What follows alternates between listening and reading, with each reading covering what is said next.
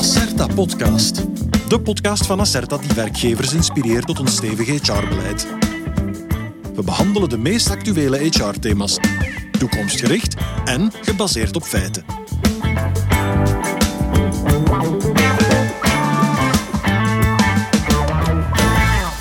Mentaal moeilijk door de langdurige coronapandemie. Sinds het begin van de pandemie zetten we massaal in op fysieke maatregelen.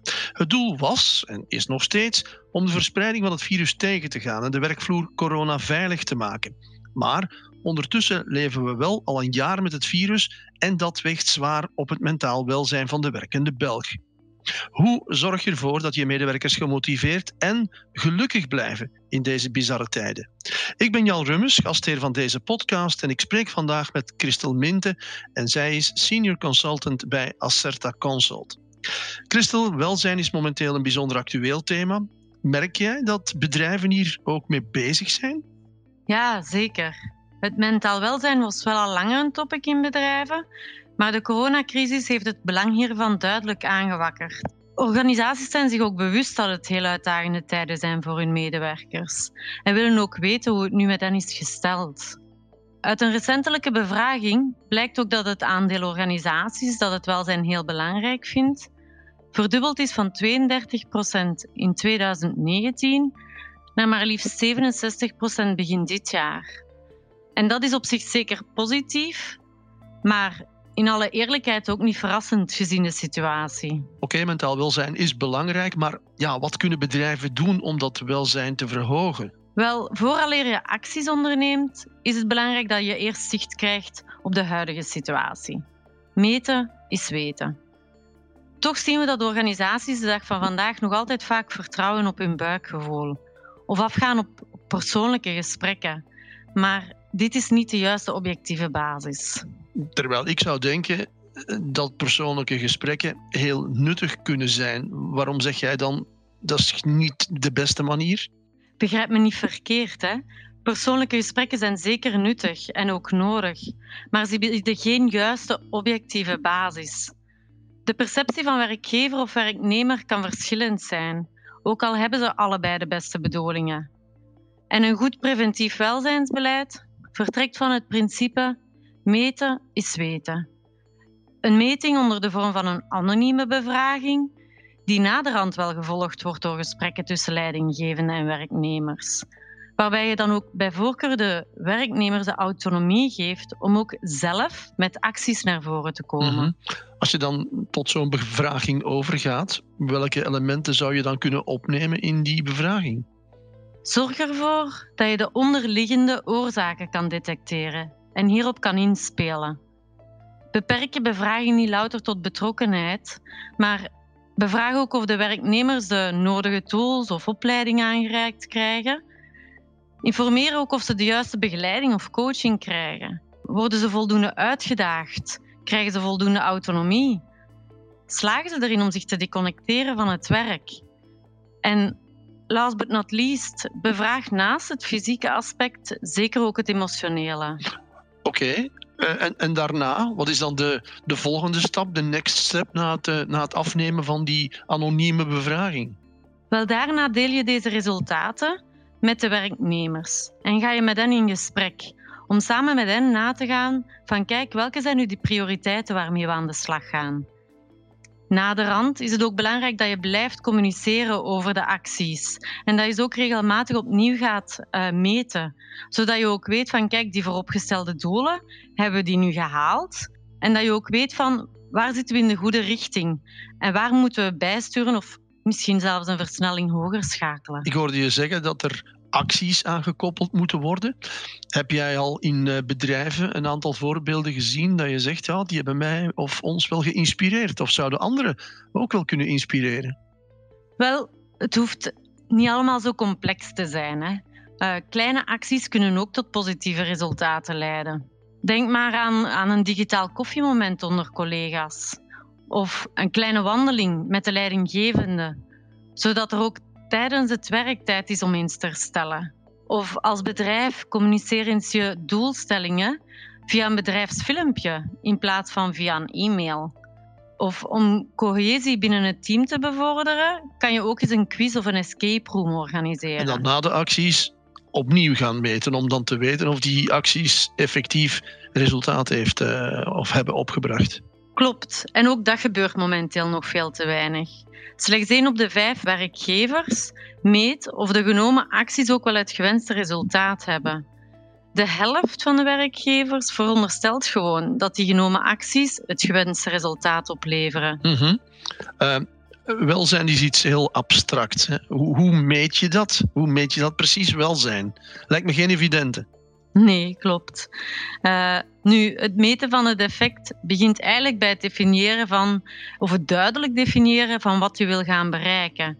Welke zijn nu de wenselijke resultaten? En betrek je ook je medewerkers om die te bepalen? Spreek ook af wanneer en hoe je gaat meten of acties ook effect hebben. En welk effect hebben die acties dan? Um, het hele traject wordt ook zoveel effectiever als je een degelijk preventief welzijnsplan hebt. we durven te denken dat 2020 nog een overgangsjaar was, waar dat dit jaar we pas echt het effect gaan beginnen merken en voelen van het langdurig thuiswerken of van al dan niet aangepast leiderschap.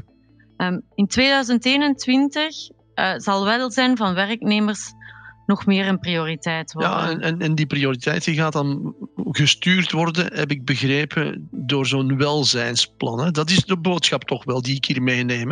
Een welzijnsplan opmaken. Inderdaad. Werkgevers maken dus best een welzijnsplan op. Uh, helaas heeft momenteel minder dan de helft van de werkgevers een uitgewerkt welzijnsplan. En maar liefst 39 procent neemt ad hoc acties. Dat is vrij veel. Uh, maar zeg je dan ad hoc acties zijn a priori niet goed? Wel, we durven te denken dat ad hoc acties vooral betekent brandjes blussen. En dat soort acties gaan werknemers niet ervaren als acties voor het bevorderen van het welzijn. En laten we eerlijk zijn, voorkomen is beter dan genezen. Als een medewerker uitvalt, ja, dan is dat een grote kost voor de werkgever.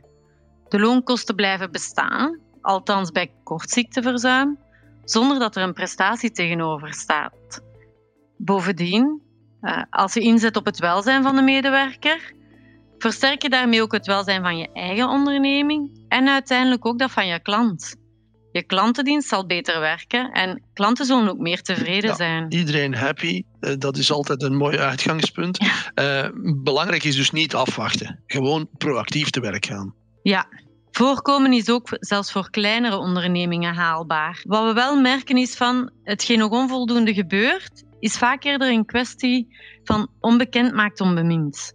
Zo wordt er door de werkgevers bijvoorbeeld nog heel weinig gebruik gemaakt van de werkbaarheidscheck. Een subsidie die ze kunnen aanvragen en die hen tot 60% financieel steunt in zowel de bevraging als de begeleiding naderhand rond werkbaarheid. En bedrijven hebben ook meer hou uh, over welzijn dan ze denken en inzetten. Denk maar eens bijvoorbeeld aan de preventiedienst. Wat zet je allemaal in, zo'n welzijnsbeleid? Kan je daar eens wat concreter in gaan? Start met het aanstellen van een enthousiaste trekker, die ook de drijvende kracht blijft achter het welzijnsbeleid. En bij voorkeur ook een welzijnscoach waar mensen bij terecht kunnen indien ze daar behoefte aan hebben. Voorzie zoveel mogelijk autonomie voor je medewerkers om hun werk te organiseren, zowel op het vlak van de werkuren als wat hun taken betreft. Waar kan, betrek ook je medewerkers in de beslissingsprocessen binnen je organisatie. En zorg ervoor dat ze ook over de nodige tools beschikken en dat er opleiding wordt voorzien, zodanig dat werknemers ook efficiënt met die nieuwe technologieën waar we de dag van vandaag hè, mee geconfronteerd zijn geweest, ook aan de slag kunnen. En dat ze ook na de rand worden klaargestoomd voor al die nieuwe veranderingen die nog op ons zullen mhm. afkomen. Zeg, en, en welke rol spelen leidinggevenden in dit verhaal? Wel, de rol van de leidinggevende wordt helaas nog heel vaak onderschat binnen een organisatie. Dat is ook, ook vaak het geval op vlak van mentaal welzijn. Minder dan de helft voorziet extra opleidingen voor hun leidinggevende, zodat zij ook hun medewerkers van op afstand goed kunnen begeleiden en opvolgen. Ondanks dat we toch wel verwachten dat we in de toekomst nog altijd gedeeltelijk van thuis uit zullen blijven werken. Ik heb begrepen dat Acerta dat soort workshops geeft hè, rond thuiswerk. Wat is, wat is de ervaring van werkgevers rond thuiswerken eigenlijk? In deze workshops blijkt heel vaak dat werknemers die thuiswerken zich nauwelijks durven te deconnecteren. Ze hebben het gevoel dat ze zich niet op niet storen kunnen zetten. Zelfs niet voor een plaspauze of een lunch, waar dat we vroeger toch ook hè, gewoon naar het cafetaria gingen om te lunchen. En leidinggevenden zijn heel vaak verbaasd dat te horen. Want natuurlijk mogen die mensen pauze nemen en zijn er werk- en niet-werktijden. Alleen wordt dat vaak niet met zoveel woorden gezegd. Dergelijke misverstanden ophelderen, nieuwe, duidelijke afspraken maken, helpt het welbevinden ook vooruit.